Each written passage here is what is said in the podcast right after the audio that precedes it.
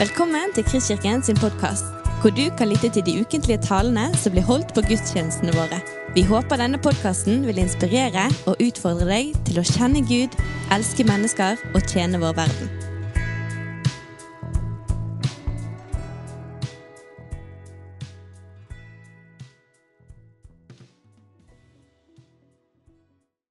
Mange av dere er gjerne kjent med at jeg jobbet to og et halvt år i den eh, jødiske barnehagen i Oslo før jeg ble pastor her i Kristkirken.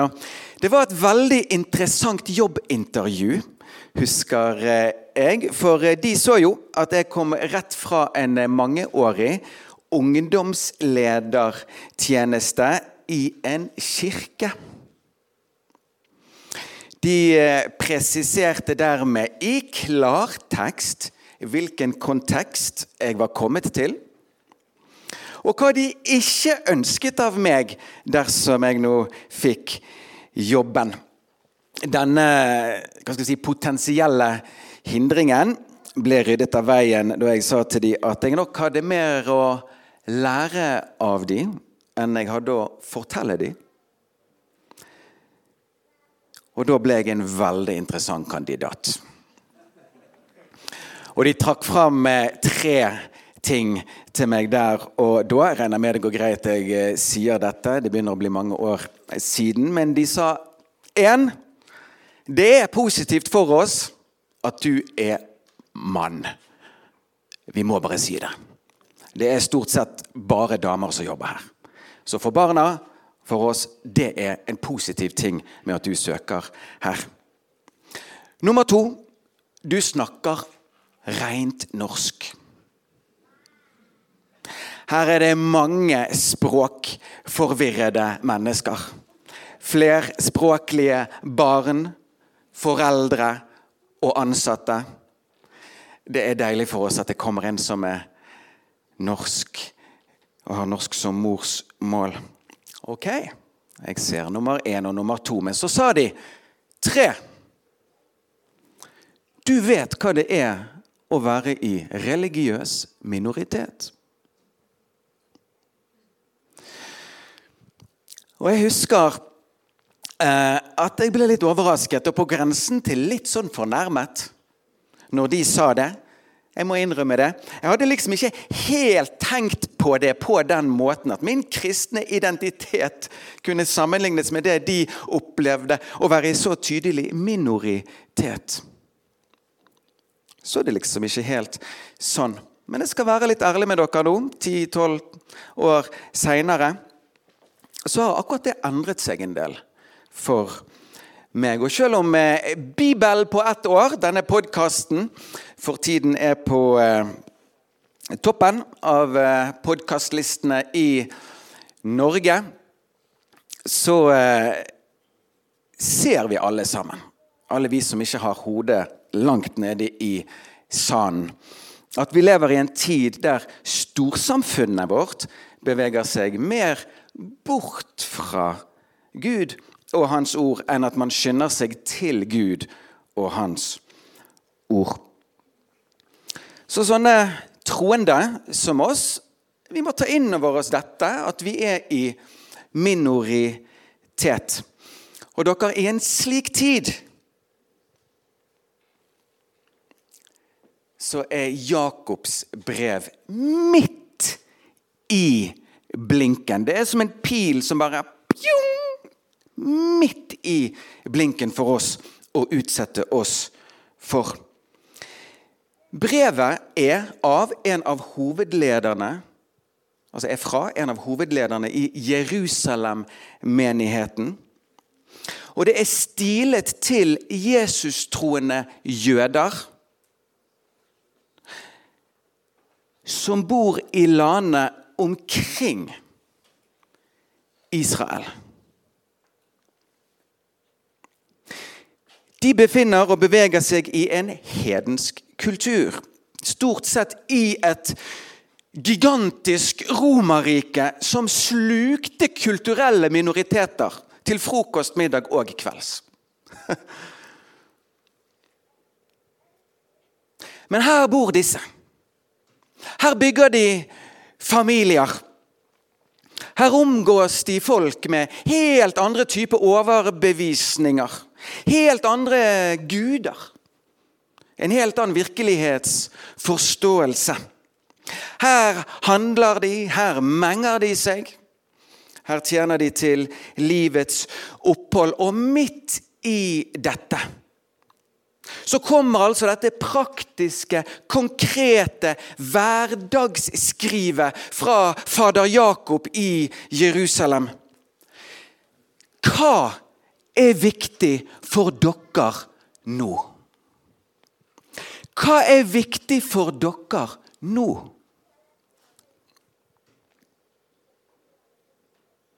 Interessant med dette brevet at det liksom det står, det er nesten, det er noe, all, øh, jeg sagt mye her. Eh, det er liksom kjemisk fritt for masse sånn læremessig innhold. Ingenting om inkarnasjonen. Ingenting om forsoningen. Ingenting om oppstandelsen. Ingenting om himmelfarten. Men det er bare rett på livene til disse tapre menneskene. Hva er viktig nå? Relevant for de å motta? Takk, Jakob. Relevant for oss i dag? Takk, Jakob. La oss lese et eh, utdrag fra dette brevet. Dagens tekst, Jakob 1, 19-27. Vit dette, mine kjære brødre.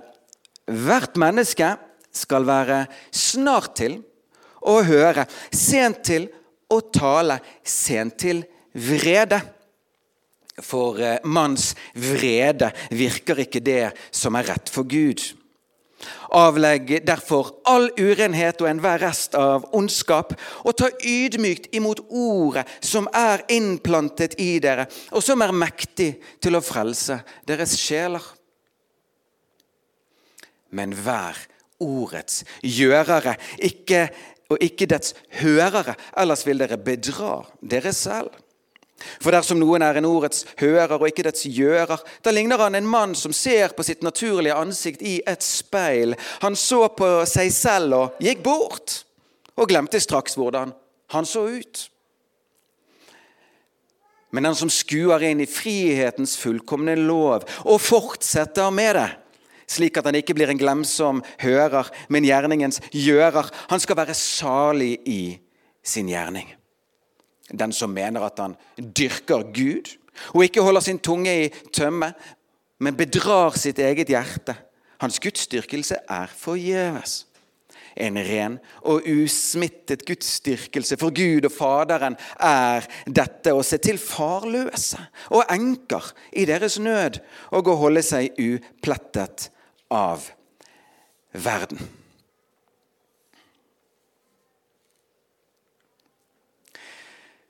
Hvert menneske skal være snart til å høre, sent til å tale, sier Jakob. Ikke så at man skal holde munn, men holde igjen.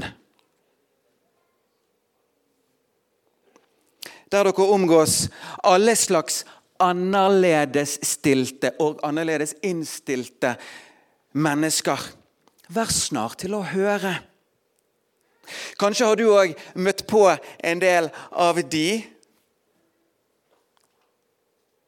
som kjører i motsatt kjørefelt akkurat her. Man er snart til å tale og sent til å høre. Man vil høres mer enn høre. Man vil lyttes til mer enn lytte til. Og Jeg har lyst til å bare si det dere, at dybden bare i det som ligger i akkurat dette, denne setningen her, egen, skulle vært grunnlag for en egen taleserie. Altså Det er enorme dybder i dette feltet. Men jeg må innrømme det er litt fascinerende. Det første som kom til meg når jeg begynte å tenke mm, har jeg en erfaring i dette, så var det en historie Det var noe jeg opplevde for mange år siden når jeg var ungdomsleder. Det var en litt sånn krevende sak vi sto overfor, og jeg tok kontakt med en eh, litt sånn nasjonal figur som jeg eh, så opp til. og eh, spurte, Sendte en mail og spurte om et råd. Hørte aldri fra vedkommende. Men så var det et arrangement her i Bergen, og det ble nå en gang sånn etter lang tid at vi var på samme arrangementet der. og Så møtte denne personen meg med stor entusiasme. Liksom Veldig sånn Way, der er du! Og ja, stemmer! En mail! Og liksom sånn. Og så ble det til at, jeg, at, at vedkommende spurte Du, eh, mitt fly Jeg skal tilbake til det og det stedet eh, i morgen tidlig. Har du lyst til å komme og hente meg på hotellet her i byen, og så kan vi prate sammen på vei ut til flyplassen? Jeg bare Ja. Sto opp grytidlig. På hotellet der. Han inn i bilen. Og jeg slapp overhodet ikke til.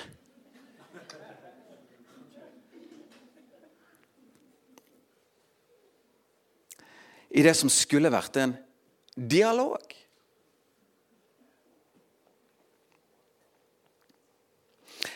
Jeg var ikke sur da jeg gikk fra denne personen. Vedkommende var jo velmenende, oppriktig og engasjert. Men masse av det som ble sagt i bil, hadde jo egentlig ingenting med noe som helst av det jeg lurte på å gjøre. Og jeg tror at Grunnen til at jeg nevner det og kommer på det, er fordi at med igjen mer enn at jeg var sur og at han gjorde noe som var syndig, så bare tenkte jeg etterpå Sånn vil ikke jeg være.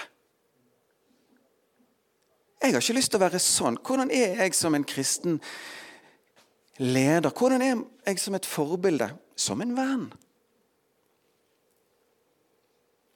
Bare smette inn en liten interessant parentes akkurat her. Det er jo litt fascinerende at Paulus sier dette. At dere har gjerne 10 000 læremestere, men få fedre.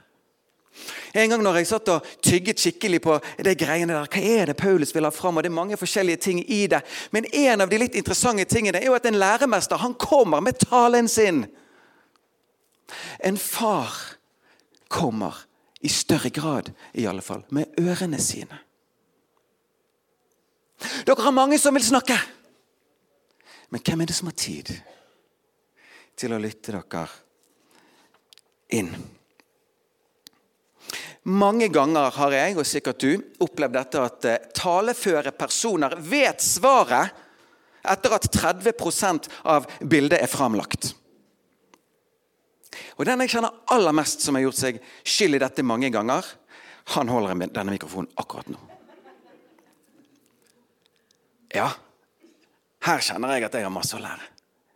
La meg bare være ærlig. Liksom, akkurat som at Og så er det bare et eller annet at når man ikke tar seg tid til å lytte inn helhetsbilder, så blir ofte rådgivningen deretter. Og vi lærer stadig dette at førsteinntrykk og helhetsbilde er to forskjellige ting.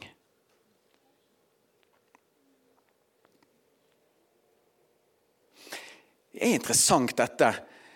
Vi er opptatt av å si sånn ja, døm ikke. Jesus sier jo dette. Døm ikke, osv. Men det står et interessant vers også, som Jesus sier, som kanskje ikke vi snakker like mye om alltid, og som er like mye framme når dette temaet kommer på banen. Jesus sier dette i Johannes 7, 24. Døm ikke etter synet, men fell en rettferdig dom. Å ja, så vi har lov å vurdere saker, vi har lov å bedømme. Det er ikke sånn at vi bare ikke skal mene noen ting. Det er to ulike ting det er snakk om. Men felle, en rettferdig døm. Hvordan kommer vi i kontakt med helhetsbilder da? Jo, da er det ikke munnen som er det beste redskapet. Da er det ørene som vil være det. Lytt godt, så blir det lettere å vurdere godt og tale godt. Vær også sen når det kommer til sinne skriver Jakob videre. Det vil oppstå mange situasjoner i liv og hverdag. I fremmede kulturer og andre. Ja, sikkert i kjente kulturer også. Men som kan få oss til å tenne på alle plugger. Men manns vrede virker ikke det som er rett for Gud. sier han litt mer Hva skal jeg si Litt enklere sagt. Et menneske som er skikkelig sint, vil ha problemer med å høre Guds stemme og gjøre hans vilje. Det handler ikke om at sinne er synd. Men igjen står det noe om å holde igjen. Det finnes en bedre vei. Jeg har lyst til å legge til noe akkurat her. Og det er at dette som Jakob advarer mot, både når det gjelder tale og vrede Det er dette ustyrlige, bråe, lite gjennomtenkte, som kan skade relasjoner mye. Til tap for alle involverte. Men i dette, da, så er det òg et fantastisk underliggende håp og poeng. En knallgod nyhet. Guds For Guds barn er ikke underlagt disse tingene.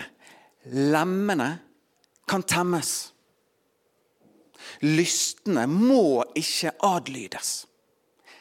Det er hjelp å få. Han som har flyttet inn i oss. Ja, Guds ånd er sterkere enn det som er der fra før.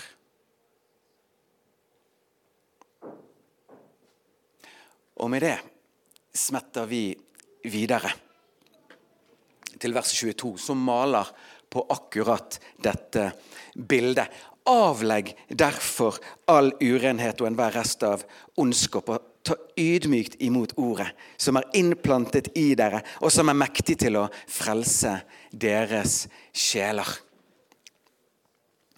Få noe ut av huset og noe helt annet inn i huset.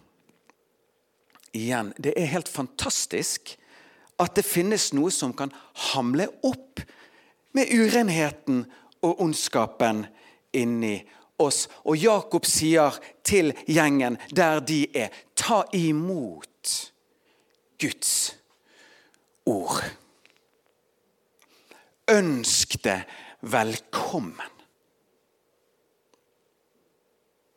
Det kommer til oss i form av frø. Guds ord gjør det. Det kommer til oss som såkorn. Det kommer til oss i form av frø.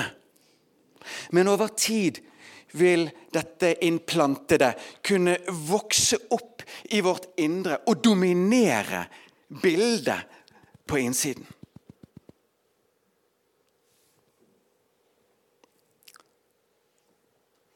Og Da er vi i nærkontakt med noe Paulus skriver til venner i Rom også. Han skriver dette at eh, La deg ikke overvinne av det onde, men overvinn det onde med det gode.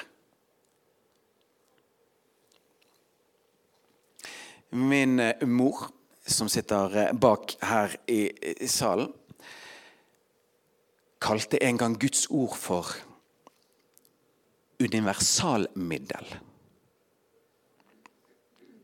Det hjelper mot all slags urenhet. Da er det lett å selge det. Det hjelper mot all slags urenhet. Så ta ydmykt imot ordet. Og jeg har lyst til å føye til igjen og igjen og igjen. Men vær ordets gjørere og ikke dets hørere, legger Jakob umiddelbart til. Ellers vil dere bedra dere sjøl. Det er jo ganske sterke ord, det. At vi bedrar oss sjøl. Interessant at ikke vi bedrar noen andre. Men vi bedrar oss sjøl. Kan det tenkes at Jakob her hen tyder at eh,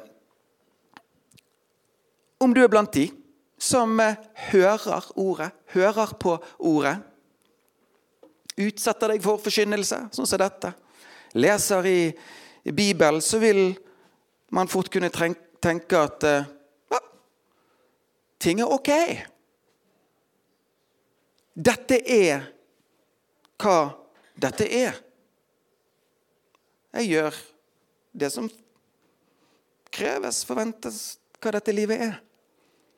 Nei, sier Jakob, du bedrar deg sjøl, for Guds ord er for livet. Ikke bare for tanken. Guds ord, dere, er for livene våre, sier han til dem. Det er ikke bare for tanken og forståelse og oppfatningen. Det er for livet vårt. Litt enkelt sagt så er det som vi hører en vennlig røst fra Jerusalem. Du mister jo hele poenget. Du mister jo hele clouet. Om det er slik vi ferdes, og kanskje uten å være klar over det. Kristi ord skal ikke bare høres, det skal få leves. Ja, fortsetter Jakob om noen er en ordets hører og ikke dets gjører, da ligner han en mann som ser sitt naturlige ansikt i et speil. Han så på seg selv og gikk bort og glemte straks hvordan han så ut.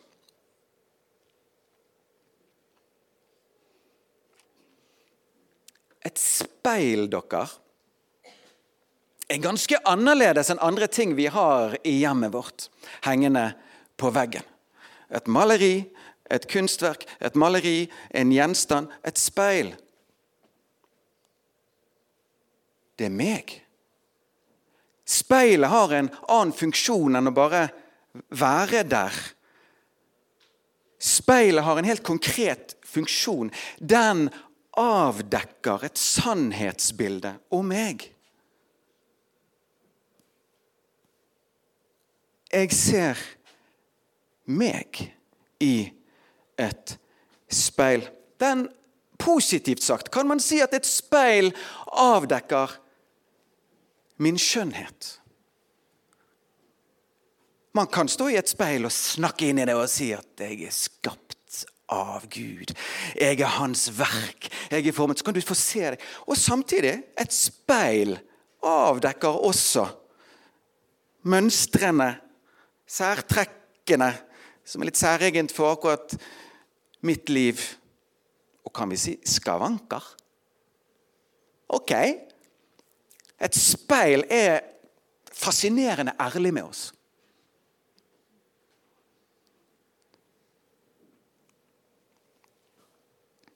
Og Det er akkurat som at Jakob sier at det å bare høre ordet Hvis vi nå tenker at denne talerstolen her er et speil, så blir det sånn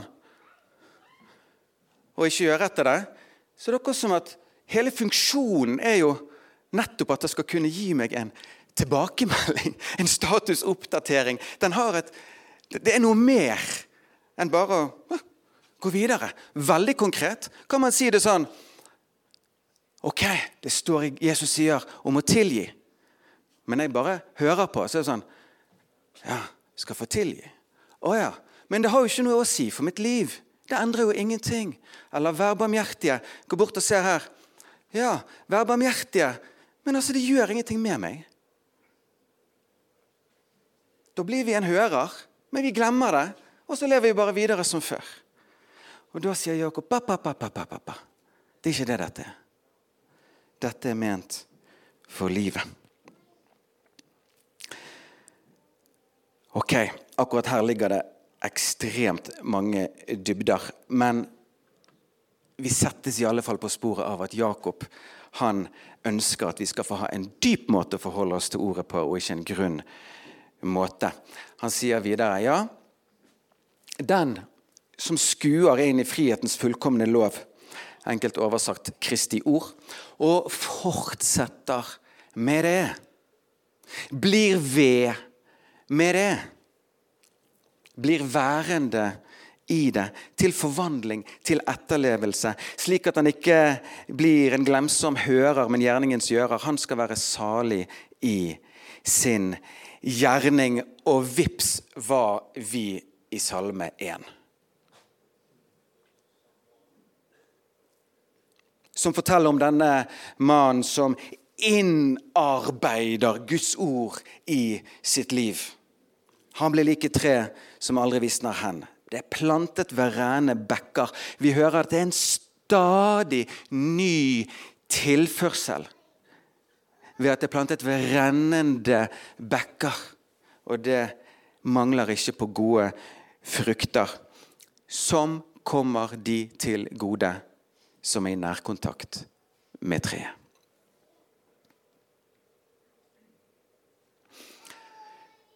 Ta ydmykt imot ordet. Og jeg tror igjen, Her kunne vi ha virkelig dykket ned og hatt en ny taleserie akkurat på dette også. Men Jakob etterlyser en grunnholdning som ligger opp til det som når David skriver i Salme 119. Jeg har bøyd mitt hjerte til å gjøre etter dine forskrifter. Et sånt forhold til Guds ord. Jeg har bøyd mitt hjerte til å gjøre etter dine forskrifter. Der er det Jakob sier. Der har du det. Videre skriver Jakob til eh, disse minoritetskristne om verdien av å holde tungen i tømme.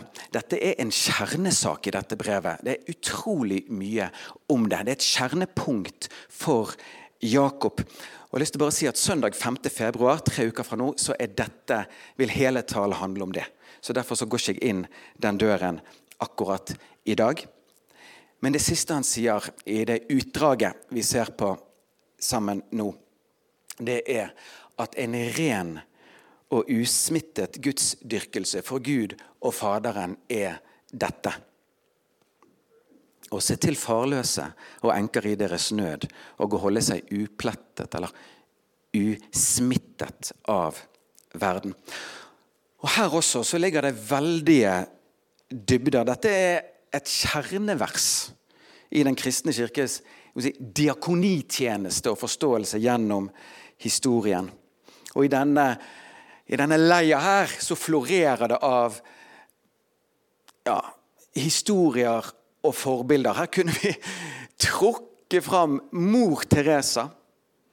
Og her kunne vi trukke fram fosterforeldre i denne forsamlingen. Og mange andre. Men jeg har lyst til å bruke den aller siste delen nå til å kaste lys over selve feltet og et prinsipp her, konteksten tatt i betraktning. For la oss igjen huske på hvem han adresserer dette til. Kristne som bor i et sekulært samfunn, som virkelig har et samfunn som virkelig har suksess med såkalt assimilering. Altså kulturlikedannelse. Romerriket var ekspert på det der sterke krefter får de svake til å bukke under. Hvor lett ville det ikke vært for Jakob fra sin base i Jerusalem, i det skrivene går ut her, å male opp farene ved denne store, stygge, fortærende størrelse? Hold dere langt unna! Trekk dere tilbake. Hold sammen. Og hold ut. Døden er snart nær. Da skal alt bli annerledes. Sørg bare for å bevare troen dere. Og så kunne dette vært et form for råd fra en eller annen religiøs leder.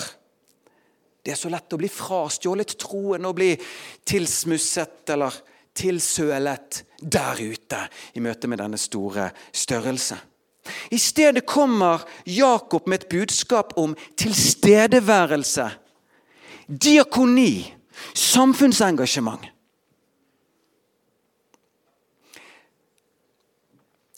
Det som han sier dette.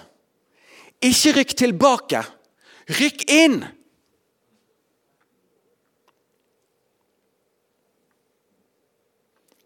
Forfatteren N.T. Wright omformulerte dette verset på følgende elegante målte, måte i det han parafraserer Jakob.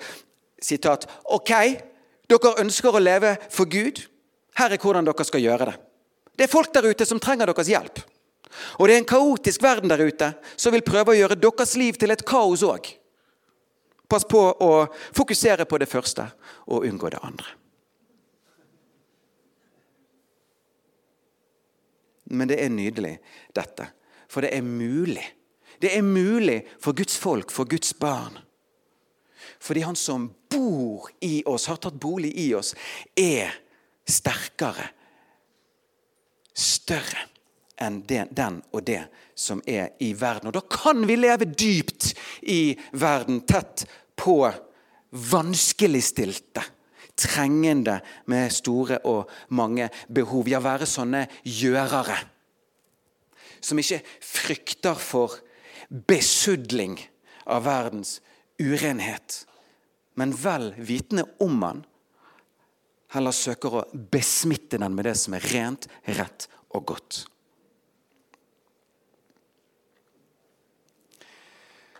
Så dere, denne trygge og fremoverlente Jakob heiet masse på datidens kristne, vel vitende om at eh, de var en minoritetskultur der de var. Men budskapet de fikk, og budskapet vi hører, er at eh, dere bærer sterke, kraftfulle saker. Vær bare veldig frimodig i den kulturen dere er i, der dere er kloke og lyttende i relasjoner. Ikke er oppfarende, men innarbeider og etterlever Guds ord og engasjerer dere i samfunnet, særlig overfor de som har fått utdelt de dårligste kortene. Gud ikke råd vil, Gud er rådgiver. Så da har vi òg fått høre hans ord og hans råd. Og neste steg, det er å gjøre.